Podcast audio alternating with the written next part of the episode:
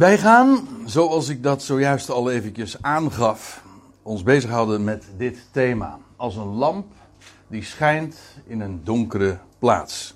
En ik ben meestal gewoon om de.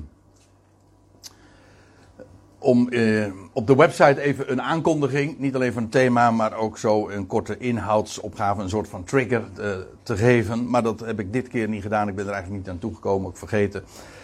Uh, de eerste vraag die ik nu dus zou hebben, en dat is eventjes een vraag uh, voor de kenners, voor de, een bijbelquiz. Waar denk je dat deze tekst aan ontleend is?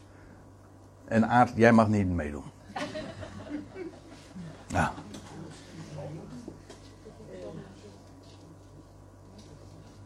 Wat denkt u? De psalmen.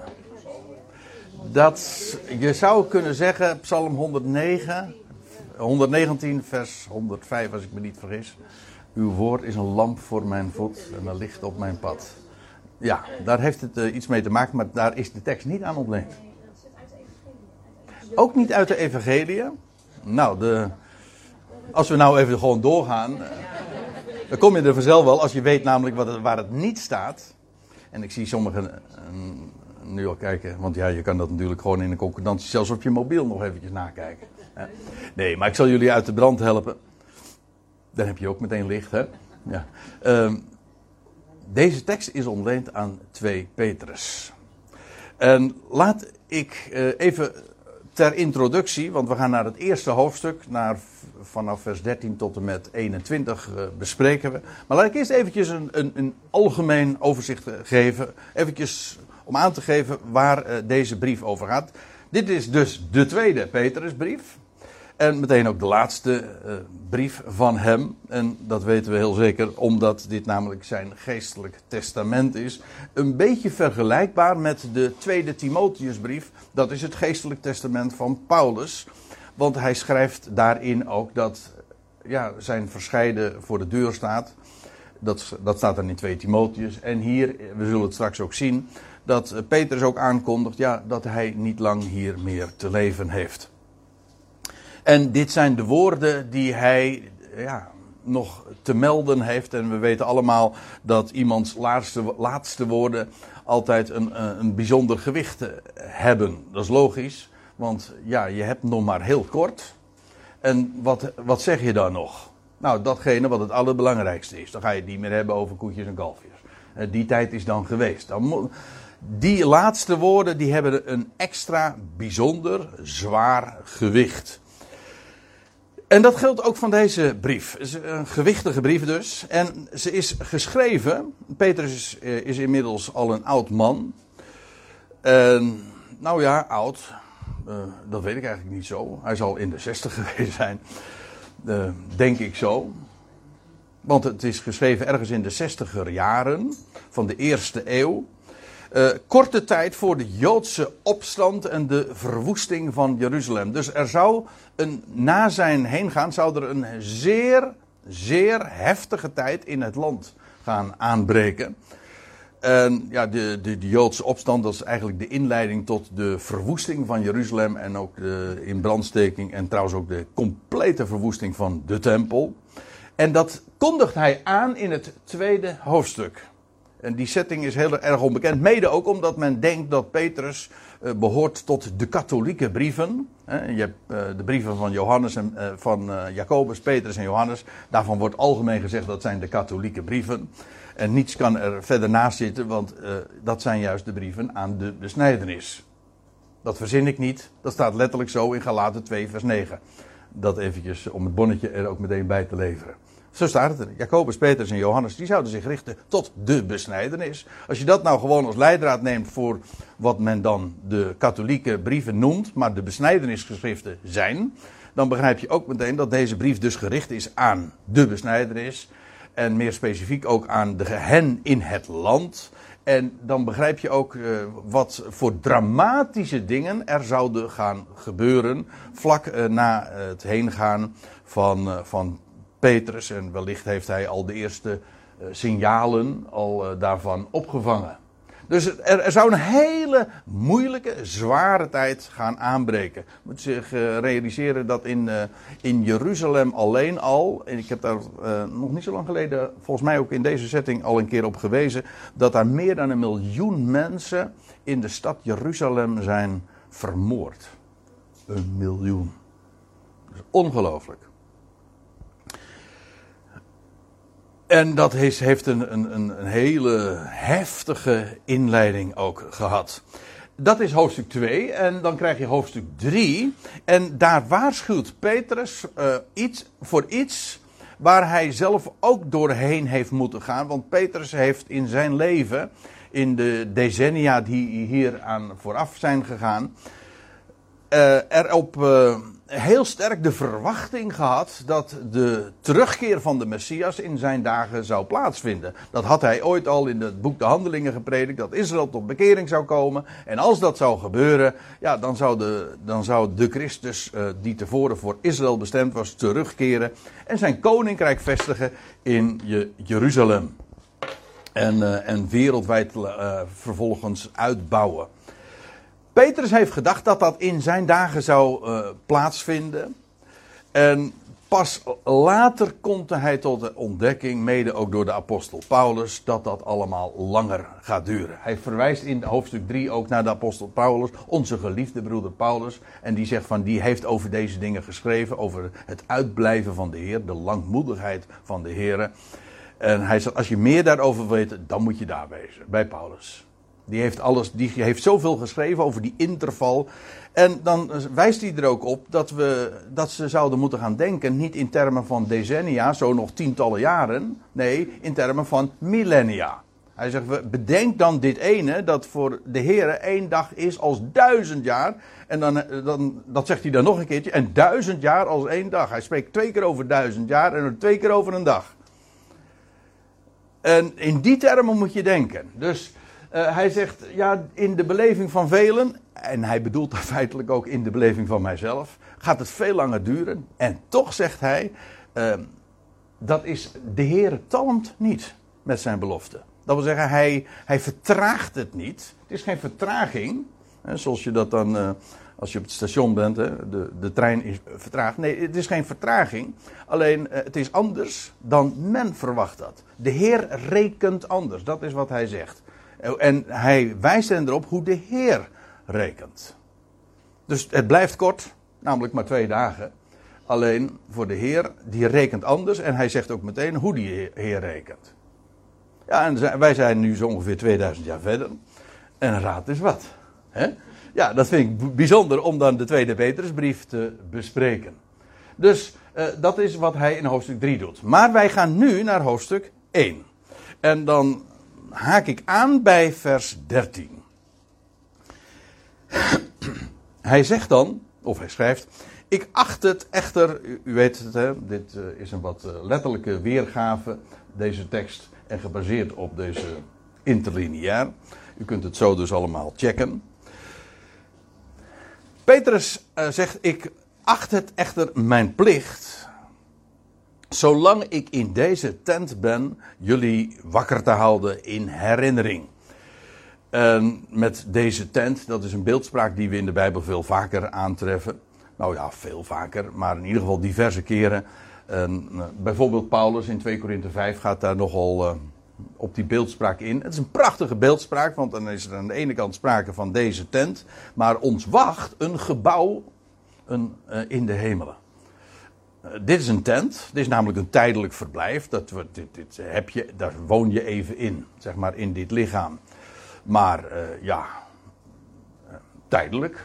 Ja, en dat wordt dan weer afgebroken. Peter of Paulus spreekt over nog een optie. maar goed, dat laten we nu eventjes maar wat het is. Maar Petrus spreekt dus over deze tent. Hij zegt, ik ben nog in deze tent. Hij zegt, en zolang ik daarin ben, nou dan neem ik de gelegenheid waar. En sterker nog, hij acht het ook als zijn verantwoordelijkheid, zijn verplichting. om hen, zijn, degene die hij aanschrijft. wakker te houden in herinnering. Iedere keer weer in herinnering te roepen. In herinnering roepen wil eigenlijk ook zeggen. Hen attenderen op datgene wat ze toch al wisten. maar waar, u weet het, een mens is vergeetachtig. Je weet dingen, en, maar weten en beseffen zijn twee verschillende dingen. En daarom wordt een mens ook, of ja, moet ook telkens weer in herinnering worden geroepen. En, zodat je iedere keer weer bepaald blijft, zodat je geattendeerd wordt. Attentie mensen, let op.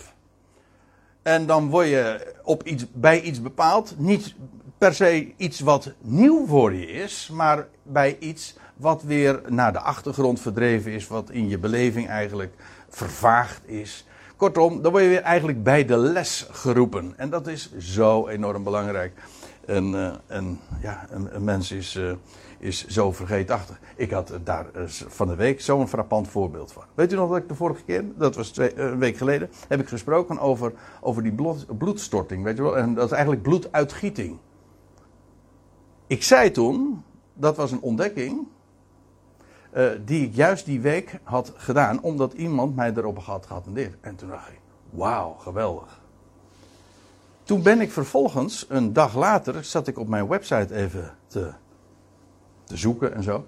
Toen kwam ik een artikel tegen in 2013, door mijzelf geschreven. Ja, echt waar. Wat ik nu. Uh, zo waar als ik sta. In 2013 of 2014, ik weet niet meer precies. Waarin ik dat al naar voren bracht. Terwijl ik er vorige week op gewezen werd en het was nieuw voor mij. Echt nieuw. Ik dacht, wauw, geweldig. Dus ik vond, ik, ik achtte het mijn verantwoordelijkheid om dat te vertellen. En ik dacht dat het nieuw was. Terwijl ik het al notabene niet alleen maar al wist, maar zelfs al had verteld en uh, misschien ook wel over ge, gesproken had, weet ik niet, maar in ieder geval geschreven. Nou ja, ik bedoel, ik vond dat wel een heel apart voorbeeld hoe vergeetachtig de mens kan zijn, zeg. Iets wat je notabene zelf hebt onderwezen en wat gewoon vervraagd is. Is dat ernstig? Nou, nee, ja, dit is.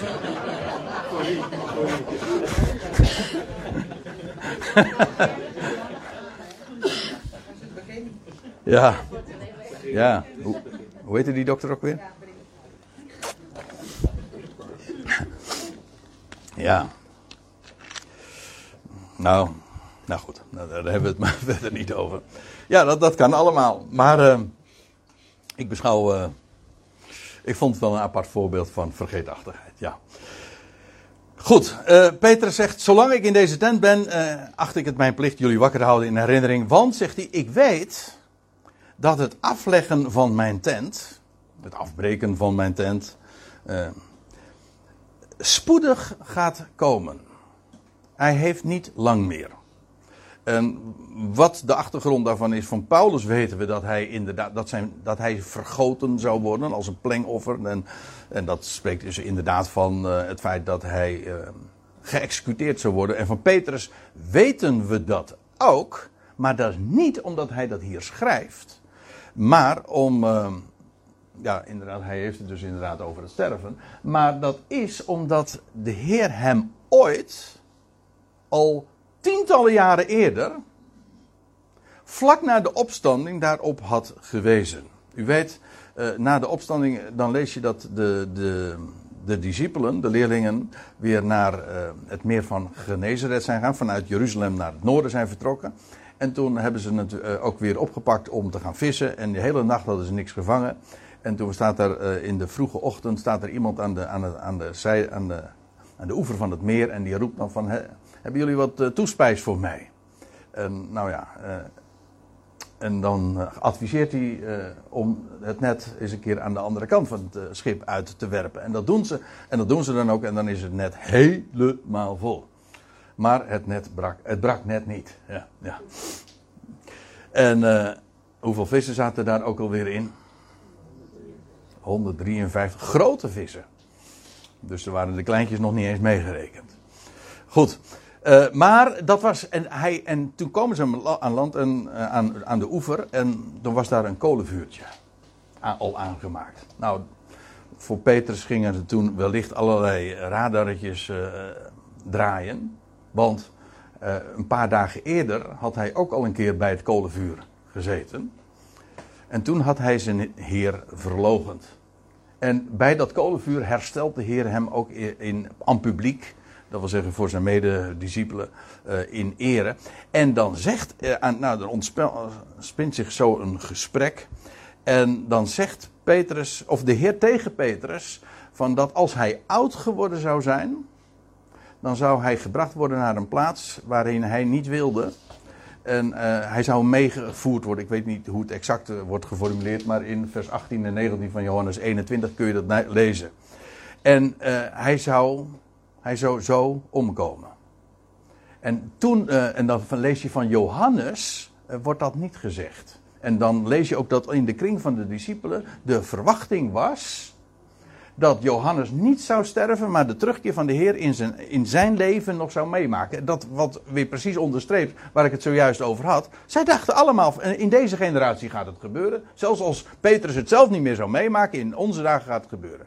Dat had de Heer niet gezegd. Dat zegt Johannes er trouwens ook nog bij. Maar zo, zo begrepen ze dat in ieder geval. Maar in ieder geval, Petrus wist dus van ja, ik kom, ik, kom een keer te overlijden en, uh, en ik zal ook inderdaad worden omgebracht. Hij zegt ja, zoals ook uh, onze Heer Jezus Christus mij duidelijk maakte ooit. En hij, zegt, uh, hij weet dat dat nu niet lang meer gaat duren. Maar zegt hij dan in vers 15: Ik zal mij beijveren dat jullie ook na mijn uittocht. Dat is een hele aardige uitdrukking. Exodus staat hier eigenlijk gewoon in het Grieks. Uh, dus de uittocht. Uh, want feitelijk dat is wat sterven ook is. Dat je dit, het verblijf in deze, deze tent verlaat. Dat, ik, dat ik jullie ook na mijn uittocht telkens aan deze dingen herinnerd mogen worden. Ik, ik doe dat nu in geschriften. Hij zegt, maar ik beijver mij dat jullie dat ook na, na mijn verscheiden hier telkens aan deze dingen zouden kunnen denken. Ja, hoe, hoe zou je er nou kunnen voor kunnen zorgen dat jou, degene tot wie je je richt, ook uh, telkens weer opnieuw kunnen denken aan datgene wat je te melden hebt? En daar is een Nederlands spreekwoord voor en dat is: wie schrijft, die blijft. En dat is ook precies de reden waarom hij deze brief schrijft.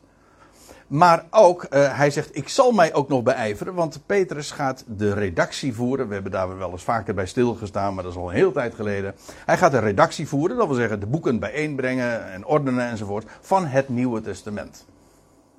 En de brieven van Paulus waren al verzameld, dat weten we ook, dat zegt hij in 2 Petrus 3.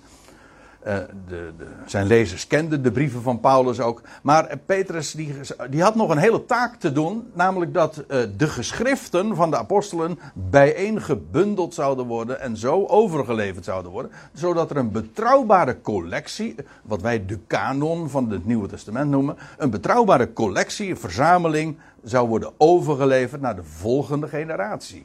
En Petrus heeft zich beijverd, want hij, hij wist, het is zo belangrijk dat mensen blijven bij het woord.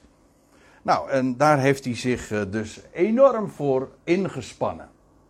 Om, zodat mensen aan al die dingen van het woord herinnerd zouden blijven worden. Ook nadat hij inmiddels heen gegaan is. En het feit dat wij nu hier bij elkaar zijn en uh, de tweede Petrusbrief uh, kunnen lezen, uh, is precies een, demonstreert inderdaad zijn ijver en uh, waarom dat uh, zo belangrijk is. Want, zegt hij dan in vers 16, prachtig woord. Geen vernuftige mythen navolgend maakten wij jullie bekend. Kunstig bedachte fabelen, zegt de Statenverdaling.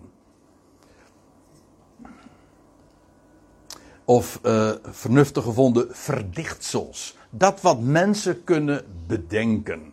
En misschien heel knap kunnen bedenken, want juist uh, ja, verdichtsels, dingen die je bedenkt, mythen. Letterlijk staat hier gewoon mythen. Dat is ook een Grieks woord eigenlijk. Maar iets wat uh, bedacht is. En hoe knapper het bedacht is, ja, hoe makkelijker je daar natuurlijk ook intuint. U zegt, heb je tegenwoordig ook mythen? Dacht het wel. Ja, ook allemaal kunstig bedacht.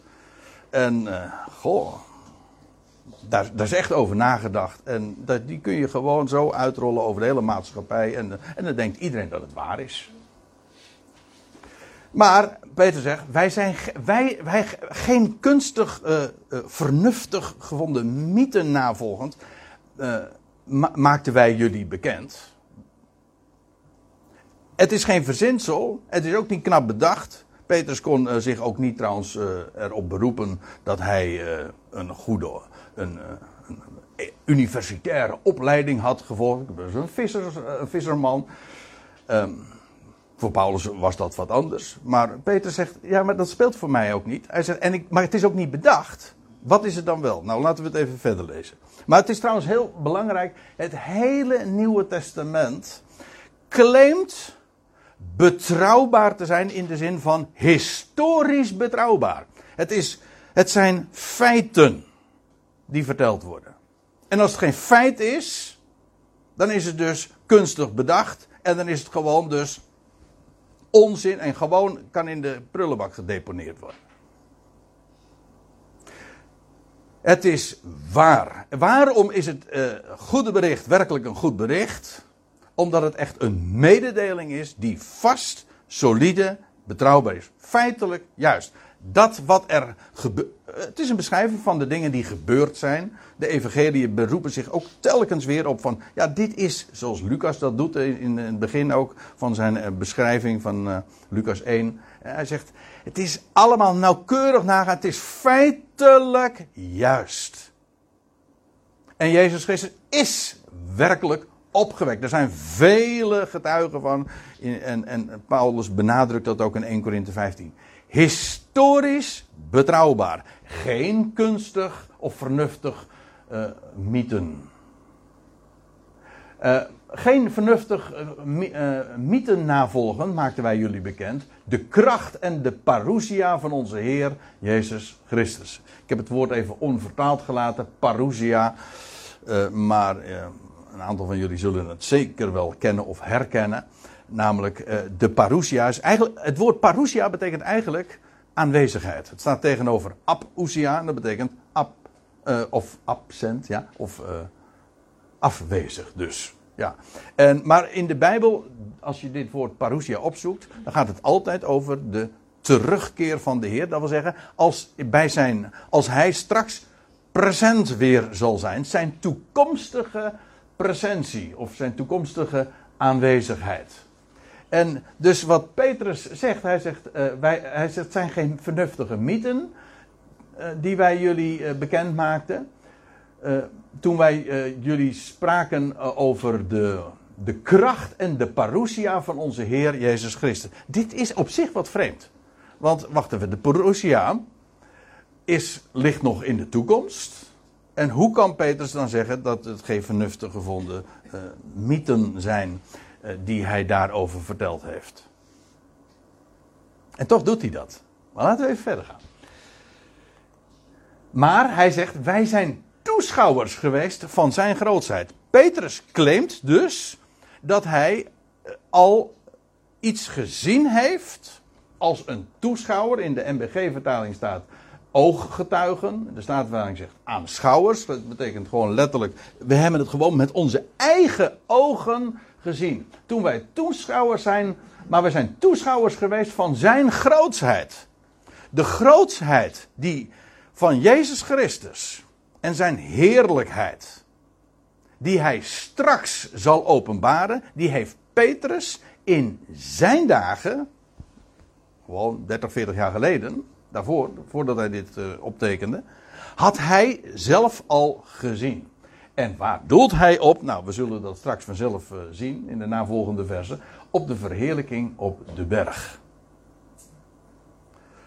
Dan lees je dat uh, na zes, het was op een zevende dag trouwens. Ja, staat erbij, gewoon na zes dagen. Oftewel, op de zevende dag nam hij hen, en dan staat er Petrus, Jacobus en Johannes. Niet alle twaalf, maar drie. Van hen neemt hij op, op een hoge berg. Dus mijn vraag is dat de Hermon geweest. Ja, meestal wordt de, de berg Tabor aangewezen, maar goed. Uh, het was een hoge berg en hij neemt hen daarheen. En dan lees je inderdaad dat zij uh, ja, dat visioen zien. Een gezicht. En dat ze. Nou ja, laten we het even lezen. Ze zijn, maar Peter zegt hier dus al: we zijn toeschouwers geweest van zijn grootheid. Want, want hij, Jezus Christus. dus. Uh, sorry. Onze Heer Jezus Christus. Uh, ontving van God, de Vader. eer en heerlijkheid. Eigenlijk hoort dat bij zijn. zijn ja, uh, zijn. Parousia, ja. En ook bij zijn want hij, hoe was het ook weer? Hij is, uh, uh, hoe staat het van de zoon mensen? Hij is een korte tijd beneden de engelen gesteld, maar thans met eer en heerlijkheid gekroond. Dezelfde uitdrukking. En hij ontving van God de Vader eer en heerlijkheid van een stem van zulk een verheven heerlijkheid, die tot hem gebracht werd. En wat hier, uh, waar hierop gedoeld wordt, is inderdaad de. Niet, je zou nog een gelegenheid uh, kunnen bedenken, namelijk bij de doop van de Heer Jezus, want toen klonk er ook een stem uit de hemel. Maar daar gaat het niet over. Het gaat hier over ook wat hij gezien heeft. En uh, wat er dan staat, die stem die uit de hemel dan klinkt, die zegt: Deze, deze is mijn zoon, mijn geliefde, in wie ik welbehagen heb. Geliefde, als je dat in het Hebreeuws weer terugvertaalt, dan krijg je David. David. Hij is de ware David. En hij is mijn zoon, de erfgenaam, degene aan wie God uh, alles gaat geven. Hij is ook trouwens de zoon van de mens, de zoon van Adam. Hij is het. En dan staat er in, uh, in vers 18, ik lees even verder, want ik, ik wil vooral uh, vers, vers 19 uh, wat, wat nader inzoomen.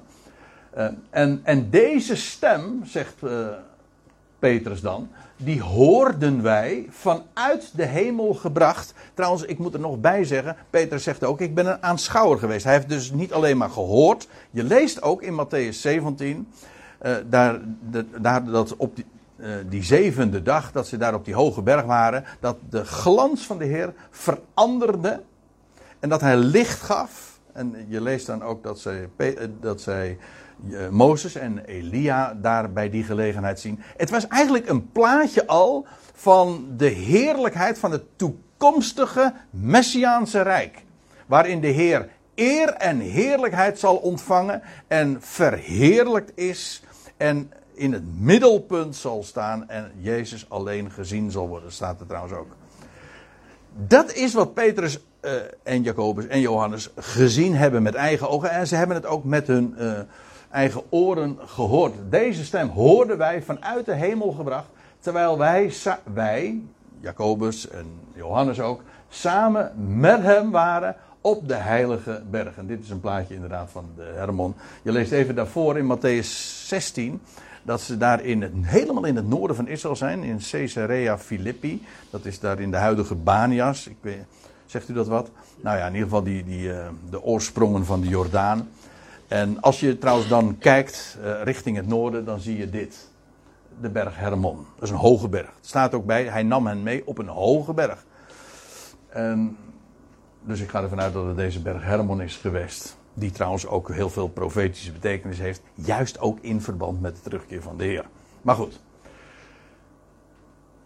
Petrus zegt: Wij hebben dat gezien. En zelf gehoord. Hij zegt: Wij hebben dat. Ik, wat ik je daarover vertel. Over de, de parousia van de Heer. Dat is. Uh, dat, hij zegt: Ik heb dat al gezien. Eigenlijk, Johannes trouwens ook. Uh, ik bedoel, als hij het boek De Openbaring opschrijft, optekent ja, Johannes, de openbaring van Jezus Christus, dat is de apocalyps.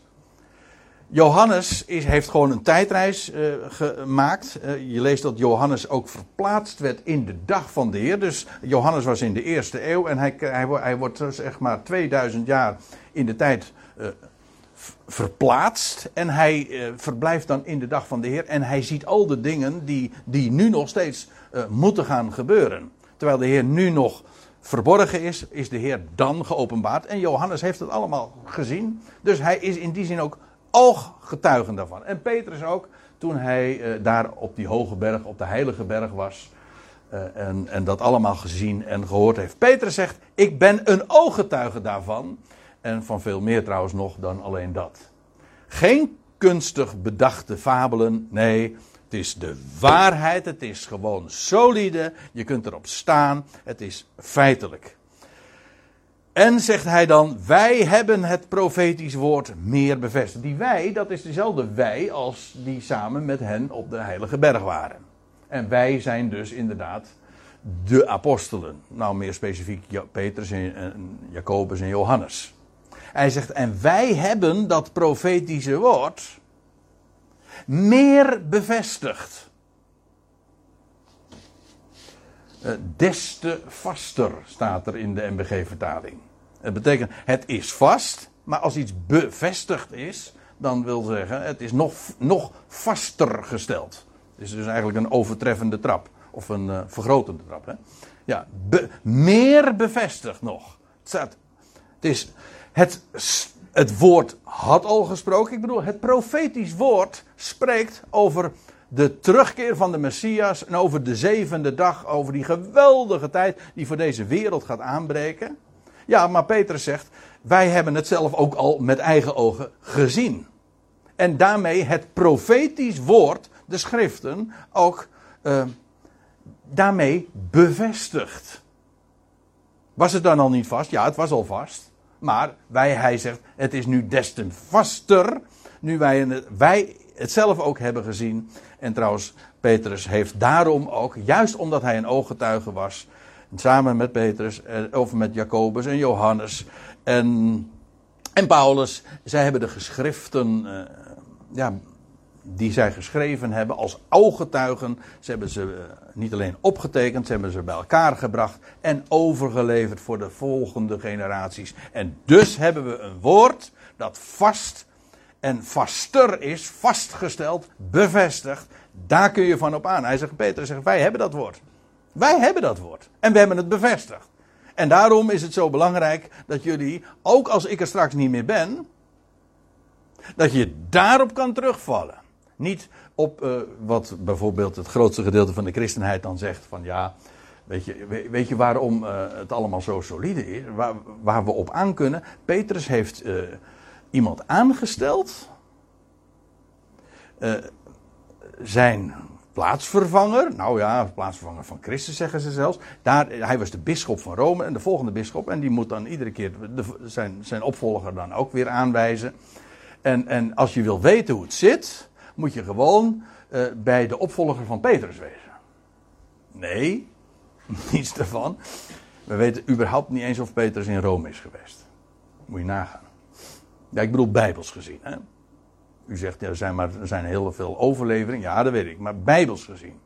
Maar goed, niet dat ik uh, daar uh, moeite mee heb op zich. Maar Bijbels gezien is daar. En, al helemaal niet dat hij uh, iemand zou hebben aangesteld. Petrus zegt niet van. Let erop dat je uh, wel naar diegene luistert die ik nu ga aanstellen. Hij zegt helemaal niet daarover. Hij, hij spreekt over datgene wat hij achterlaat. En waar hij zich voor beijverd heeft. Dat ze een betrouwbaar woord zouden hebben. Dat ze daarop zouden terugvallen. Ja, nou ja, en dat is wat ons. Uh, dat u zegt, wat hebben wij nou eigenlijk? We hebben geen instituut. We hebben geen Vaticaan. Geen paus. Geen ambten. Helemaal niks. We hebben eigen. Eh, wat hebben we wel? Niks? Nou, nou ja, we hebben wel wat. We hebben het woord. En dat is nou precies wat we nodig hebben. En meer heb je niet nodig. Met minder kun je niet toe, zou mijn moeder zeggen. En meer heb je niet nodig. En dit is het. Het woord. En dat trotseert de eeuwen. Alles wat man-made is, ja, daar, daar zak je doorheen. En dit is waar we het, uh, ja, waar we ook vandaag volledig op kunnen blindvaren. Dit woord. En ik had van de week nog met, met iemand een gesprek, maar dat waren die uh, een charismatische achtergrond had trouwens. Uh, ik had het zojuist over de Rooms-Katholieke Kerk en de paus en het Vaticaan enzovoort. Maar ook mensen die, uh, dat ging erover dat hij, zeg, hij had dik in de Pinksterwereld gezeten met verschijnselen, met allemaal dromen en, en wonderen enzovoort. Nou was er compleet doorheen gezakt. En had nou ook uiteindelijk gevonden waar, waar je werkelijk van op aan kan. Maar hij zegt, ja, hij zegt, hij was voorganger van een gemeente ook. En, en, mensen denken dan, hij zegt, uh, dat is zo saai. Want ja, we hadden zoveel, uh, in onze samenkomsten was altijd zoveel te doen, weet je wel. Veel, uh, qua, muziek, weet ik. Nou hebben wij trouwens ook niet geen klagen hoor, moet ik bij zeggen. Maar, maar u begrijpt wat ik bedoel. gewoon hele zichtbare manifestaties en, de, de, kracht van het getal, weet je wel, massaal. En dan ook allerlei spectaculaire dingen. En we hebben het allemaal niet. Nee, in die zin, goh, wat wel. Er valt niks te zien. Er valt helemaal niks te zien. Dat valt mensen echt heel zwaar, hè? Nee, er is ook niks te zien. Er valt, alleen maar, er valt wel wat te horen. Ik bedoel, er heeft iemand gesproken en heeft het, laten, het is geboekstaafd. En ja, dat woord, dat is het waar het allemaal om gaat. En dat is het woord, dat vast. Sterker nog, het is bevestigd. En het is nog meer bevestigd. Hoe uh, vast wil je het hebben? ja, dus Petrus en de zijnen, die, die eh, Jacobus en eh, Johannes, zijn reeds aanschouwers geweest van de parousia in de toekomst, waarvan het profetische woord spreekt. En Petrus zegt er dan bij, en jullie, en hij richt zich natuurlijk hier specifiek tot de besnijdenis, maar jullie achterblijvers, laat ik het dan wat breder nemen, doen wel daarop acht te geven. Dat wil zeggen, nauwkeurig te letten op wat daarin staat geschreven. Hij heeft het over het profetisch woord. Jullie doen wel, daarop acht, acht geven wil zeggen uh, dat je daarop let. Hoe staat het er? Wat is, wat is er geschreven? En je kan natuurlijk uh, acht geven op alles wat er zo. Uh, ja, op die vele mythen, die knap, al of niet knap bedacht zijn. En is het interessant eigenlijk om het te weten? Eigenlijk niet eens. Nou ja, behalve dan om te weten hoe er zo in het algemeen gedacht wordt. En, en voor de rest moet je het eigenlijk weer zo snel mogelijk naast je neerleggen. Acht geven op wat er staat geschreven, dat is waar we wel aan doen. Al was het alleen maar om zelf ook de vastheid te blijven ervaren. Want je wordt zomaar meegenomen door, uh, door alle verhalen en de, hoe zeggen ze dat, de narratieven die zo allemaal verteld worden. En de fake news. Ja, nou, maar goh, uh, de, de, de verwarring is compleet. En ik heb goed nieuws voor u, zeg, zei hij heel cynisch. Het gaat nog veel erger worden. Wees bedacht daarop. Ja, ik ben, eh, u zegt, kan het dan nog erger? Ja hoor, echt. En ga daar niet. En, ik, en als je niet acht geeft op dit woord, dan val je zomaar en ga je gewoon allemaal weer mee met die, met die knap bedachte fabelen. Terwijl als je dan toch enigszins wakker zou zijn, zou je er zo al zo doorheen prikken. Maar het is zo verrekte moeilijk om niet meegesleept te worden door alles wat er verteld wordt. Daarom, jullie doen wel daarop acht te geven. Als, en nou zijn we er, uh, als op een, een lamp die schijnt in een troebele plaats. Ja, ik heb het, uh, het staat eigenlijk in de groezelig. Het, ja, ik, ik heb uh, even gezocht naar een, een woord wat, waar, we enigszins wat vergelijkbaar is. Er staat hier niet het gewone woord voor duister of donker. Dat is, is een ander begrip, maar het, de gedachte is wel inderdaad van duister, maar iets wat groezelig is, dat is een beetje smerig. Dat is, eh, dat ik, ja, goh, wat denk je nou? Wat voor associaties? Dan denk je een of andere muffe ruimte met spinnenwebben en waar het heel mistig is, het stof enzovoort. Nou ja, dat, een groezelige, troebele plaats uh, waar je eigenlijk helemaal geen goed zicht op hebt. Nou, wij, zegt Petrus, wij hebben het profetische woord des te vaster of des te meer bevestigd. En, jullie, en jullie doen wel op, uh, wel, dus als ik er niet meer ben, daarop achter te geven. Als op een lamp die schijnt in een troebele plaats. Nou, als u mij vraagt, die troebele plaats, uh, dat is, ja, dat is gewoon de wereld. Namelijk ja, uh, noem nog eens een paar uh, wat van dat soort associaties. Sinister, duister, verdraaid. En wat is er dan belangrijker dan te, een lamp te hebben? In een, in een tijd waarin alle, waar het donker is, en ik doel niet alleen maar omdat het nu, dat het morgen de kortste dag van het jaar is, Want het is inderdaad ook in die zin donker. Ja. Maar het is zo'n donkere wereld. Het is zo donker in de harten van veel mensen. En uh, voor je het weet, is het donker. Als je daarop afgaat en, en op je eigen gedachten, misschien je eigen gedachten hangen, dan, dan wordt het donker. Dan wordt het heel groezelig en troebel allemaal. En wat heb je dan nodig? Een lamp. En waarin, wat is die lamp? Dat is dat profetische woord. Dat vast is. Dat vaster is. Dat des te meer vast bevestigd is. Zo. En die lamp heb je nodig en dat geeft je zicht. Dat geeft je ook. Daardoor kan je verstaan waar we nu ons bevinden. Waar we naartoe gaan, dan weet je ook, dan, ja, een lamp, waar heb je een lamp voor nodig? Ja, een lamp voor je voet. We hadden het al over Psalm 119, vers 105. Een licht op mijn pad en een lamp voor mijn voet. Ik heb ooit eens een keer gelegen, gehoord van, ja, dat is eigenlijk heel mooi. Een lamp voor je voet. Kijk, het is geen, geen, niet, niet een, een lamp voor je voet wil ook zeggen, uh, het, geeft, uh, net, het geeft genoeg licht voor de volgende stap. Dat is wat een lamp voor je voet doet. En dat is ook wat de schrift. De schrift geeft je precies dat helderheid, duidelijkheid, licht, verlichting, dat wat je nodig hebt voor de volgende stap te zetten. Een heleboel dingen, ja, ook als het gaat om wat de schrift zegt over de, de toekomende dingen. Uh, je, je, zoekt je zoekt daarnaar, je geeft er acht op, je, je wil weten. En, en de schrift verschaft ons ook precies datgene wat we nodig hebben voor de volgende stap. En ik geloof ook dat. Uh, dat licht alleen maar helderder gaat, uh, gaat schijnen. Ik vind het geweldig om die lamp van het profetisch woord te hebben. Het is zo enorm belangrijk. Ik bedoel, nu het einde van 2020. En uh, mensen met, met vrees en beven kijken naar uit naar 2021. Ja, tenzij je natuurlijk al je hoop hebt gevestigd op de vaccinatie. Hè. Nou ja, goed, daar zullen we het verder maar even niet over hebben.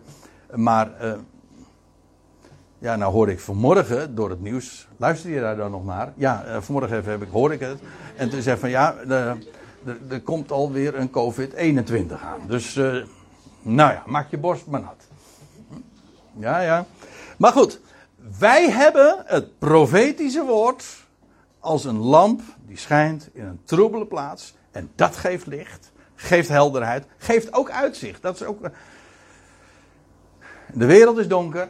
En weet je, er is, als je wat wil betekenen voor de mensen om je heen. Dan kun je, je kunt je handen uit je mouwen steken, je kunt wat voor ze doen, je kunt boodschappen, weet ik, je kan van alles doen voor een, voor een ander. Maar het allerbelangrijkste is, laat het licht schijnen. Want dat is wat, je, wat de mens nodig heeft. Licht in de ogen. Zodat je weer uitzicht krijgt. Zodat je weer op gaat zien. Zodat je weer perspectief hebt. Dat is wat je echt nodig hebt. En het geweldige is, als je eenmaal hetzelfde licht in de ogen hebt, dan ga je, als je licht in de ogen hebt, dan ga je stralen. Niet omdat je daar je best voor doet, maar gewoon, ja, dat is wat licht doet. Als een, net als met een reflector, ja, die geeft licht. Op het moment dat er licht in komt, dan reflecteert dat ook. Je lamp die schijnt in een troebele plaats. En dan staat erbij, totdat de dag aanbreekt en de lichtbrenger, of de, de morgenster. Ja. Nee, ja, nee, er staat in de, sommige vertalingen een morgenster. Dat is eigenlijk gewoon de lichtbrenger. Ik geloof gewoon als de dag aanbreekt, dan komt de lichtbrenger. Als u het mij vraagt, dat is gewoon de zon. Ja, wat doet de dag? Ja, voordat de dag aanbreekt, komt, heb je de morgenster. Dat is ook zo. Maar de, voordat de, de, de dag breekt aan, en hier staat eigenlijk gewoon ook lichtbrenger. Dus ik versta daaronder in dit geval gewoon de zon. En dat, als die opkomt, dan is de nacht voorbij en dan breekt de, de dag aan. En dat is uiteraard de dag, diezelfde dag als waar Petrus zojuist over schreef. Toen hij zei van, ja, ik ben ooggetuige geweest van de parousia. Dat was op een zevende dag. Staat er echt bij. Op een Sabbat. En dan zegt Petrus, ja, dit ene mag u niet ontgaan, geliefde, dat voor de Heer één dag is als duizend jaar. Dus na zesduizend jaar, eh, ik heb het wel eens verteld, ik, ik, maar ik kan het nu niet nalaten om het nog eens een keer te vertellen. Weet u, over, over Petrus. Nee, over Petrus, over Luther. Vijf eeuwen geleden. Schreef een boek over de Bijbelse chronologie. En hij publiceerde zijn boek juist in het jaar 5500 in zijn berekening. Volgens mij zat hij er twee, drie jaar, vier jaar naast of zo. Maakt even niet uit. hij, hij publiceerde het boek. Hij zegt: Dit is het jaar 5500. En hij zegt: Let op, na zes dagen gaat het gebeuren. Dat was al een hele bekende gedachte. Zelfs Joodse schrijvers hadden het daar al over voor de eerste eeuw. Dat de wereldgeschiedenis 6000 jaar zou duren en daarna zou je de Shabbat krijgen. En ook veel kerkvaders hebben erover gehad. Luther wist dat ook. En die zegt van, het is nu 5500. Hij zegt, ja, we zitten dus halverwege de zesde dag. Met andere woorden, als Luther, was het vorig jaar of twee jaar geleden? Uh, nee, dat is alweer heel lang. 2017 was het zeker. Wat was het? Ja, toen was het vijf eeuwen, ja precies, 2017. Toen was het vijf eeuwen uh, geleden dat uh, ja, Luther met de reformatie begon. Als Luther nou geleefd zou hebben, dan had hij dus kunnen zeggen, van, nou we zitten dus nou, bijna bij het jaar 6000. En geen hond. Hoe zeg je dat? Geen haan die daarna kraait. Geen hond die het ziet. Echt, mensen slapen. Het is. Ik vind dit bijvoorbeeld onvoorstelbaar. Dat de, dat de duisternis in de wereld groot is. Allah. Maar wat ik het allerergste vind. Echt waar. Ik vind het zo. Ja, je zegt van. Ook dat had je kunnen weten. Ja, dat is waar. Maar het grijpt wel aan. Dat degenen die geacht worden het licht te hebben en te, te verspreiden die zien het niet. Ze zijn er helemaal doof. En die ja, waar maken ze zich dan druk over? Over het klimaat en zo.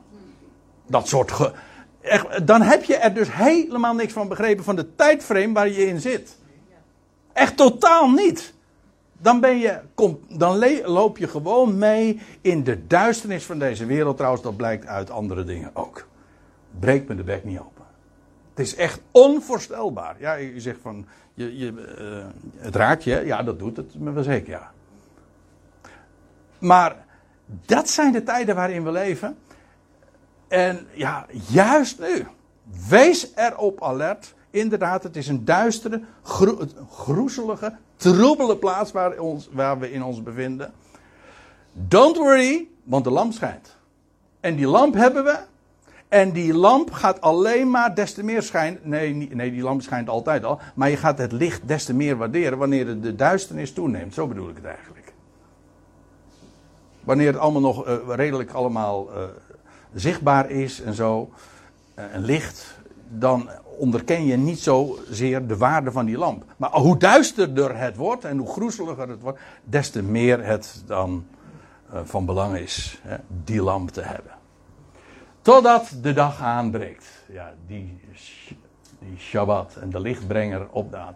In, ja, nou, ga het nu verder niet toelichten, maar deze woorden in jullie harten uh, wordt meestal opgevat als uh, in de gangbare vertalingen als de laatste, uh, als, de, als het eind van de vorige zin. Die vatten dus in jullie harten. Die zeggen dan totdat de lichtbrenger opgaat in jullie harten. Nee, dat is het niet.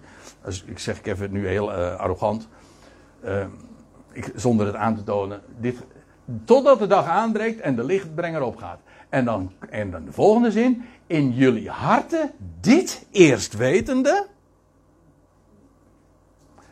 dat geen profetie der schrift zijn eigen uitlegging voortbrengt. Of genereert. Eigenlijk staat er. In het Grieks staat hier zoiets als genereren. Geen profetie der schrift brengt zijn eigen uitlegging voort. Nee, waarom niet? Nou, om een heel fundamenteel principe. Profetieën der schrift leggen elkaar uit. Als je een profetie wil begrijpen, dan heb je andere profetieën nodig, schrift met schrift te vergelijken, om het geheel te verstaan. Dit is nu juist ook zo'n geweldig waarmerk van de waarheid van de schrift als het woord van God. Namelijk, het zijn allemaal uh, boeken, Het zijn zeven, nee niet 66, het zijn 70 boeken. En het zijn allemaal puzzelstukjes, maar het geweldige van die puzzelstukjes, ze passen allemaal in elkaar. En het ene, je hebt het ene boek nodig om het andere boek te begrijpen. Dat betekent dus al die boeken, die vormen een eenheid, één concept. En het loutere feit dat die, al die stukjes zo in elkaar passen, bewijst hun eenheid. En al, dan kun je zeggen van ja, maar ze zijn in de loop van duizenden jaren uh, geschreven. En talloze auteurs. Uh, en op allerlei, allerlei omstandigheden. En er is zoveel variatie in, in, in al die schriften. Ja, maar het is een eenheid. Het is de schrift. Het is één, in feite één boek. En al die boeken, geen van de profetie der schrift heeft zijn eigen uitlegging.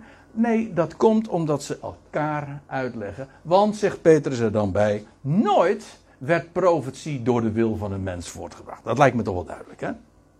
Profetie betekent letterlijk, dus ook dat is een Grieks woord eigenlijk. Profetie betekent letterlijk voorzegging. Pro, voor, dat profetie heeft te maken met zeggen, verklaren. Nou, wat kan, wat kan een mens voorzeggen? Niks. Helemaal niks. Je kunt prognoses erop loslaten.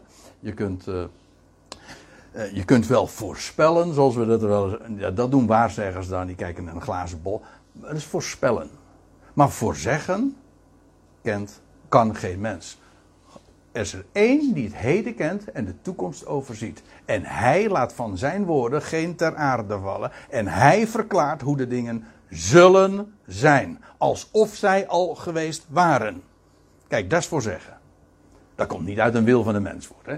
Nooit werd profetie door de wil van de mens voortgebracht. Daarom is profetie ook, ook weer zo, net als die eenheid van de schriften, een bewijs van de waarheid van de schriften. Want de schrift voorzegt. En heeft ook allerlei dingen voorzegd die inderdaad precies zo zijn uitgekomen. Hoe vaak hebben we het daar al niet over gehad? Daarmee bewijst de schrift zichzelf. Maar, zegt Petrus er dan nog bij, maar uh, onder heilige geest gebracht, zo staat het letterlijk, spraken mensen van Gods wegen. Heel wonderlijk. Uh, hoe kan, eh, als, als een mens het zelf niet voortbrengt, hoe kan het dan dat ze dan toch van Gods wegen kunnen spreken? Wel, dat komt omdat heilige geest hen, ze zijn onder heilige geest gebracht. En dan krijg je het hele merkwaardige fenomeen. En Petrus wijst daar ook op, in, al in zijn eerdere brief, dat profeten daarom dikwijls hun eigen profetieën niet eens begrepen. Ik zeg niet dat ze uh, typemachientjes waren uh, die uh, eigenlijk. en waarbij het gedicteerd werd en waarbij hun eigen inbreng geen rol speelde. Ik, wat ik wel zeg is. Je leest in 1 Petrus 1, en nou moet ik het even uit het hoofd zeggen, daar staat dat van, van deze redding hebben gesproken de, profeten die tevoren van de voor u bestemde genade geschreven hebben, terwijl zij nazochten en speurden op hoedanige wijze de geest van Christus in hen doelde uh, toen hij over deze dingen sprak. Citeer het niet helemaal goed, maar het komt erop neer, de profeten hebben in hun eigen geschriften nagekeken uh, hoe, de, hoe dat nou zat. Bijvoorbeeld, de, ja, er is sprake van de eerste komst van Christus, van de tweede komst van Christus. En de dingen die daartussenin liggen. En dat is voor hen verborgen geweest. De tijd die wij nu beleven, tussen de eerste en de tweede komst van Christus, is verborgen in het Oude Testament.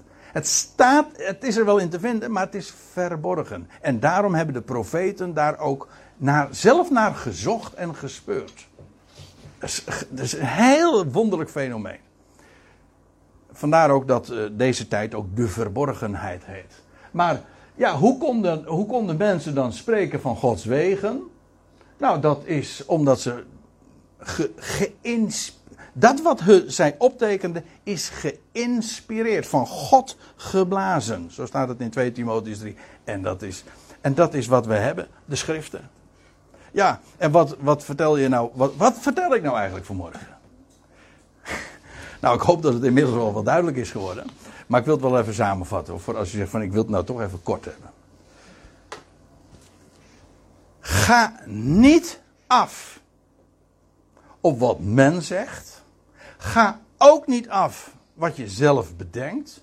Ga ook niet af op gevoelens, want er is niets bedriegelijker dan dat. Wat is dan wel solide? Dit. Wat er staat geschreven. Het profetisch woord dat des te meer bevestigd is. En daarop zouden we acht geven. Dat is een lamp. Wil je licht? Dan moet je hier wezen. En nergens anders. En je zegt van, dat is ook wel schaars. Dat is heel schaars, ja. Maar daarom ook zo kostbaar, hè. Daarom is het zo kostbaar. Hier moet je wezen, bij de schriften. En, ja, en dan kom je in aanraking met vast woord. Dat solide is, betrouwbaar en ook zo enorm veel uitzicht geeft, hoop geeft. En werkelijk verlicht en vreugde geeft. Daaraan heb ik verder niets meer toe te voegen.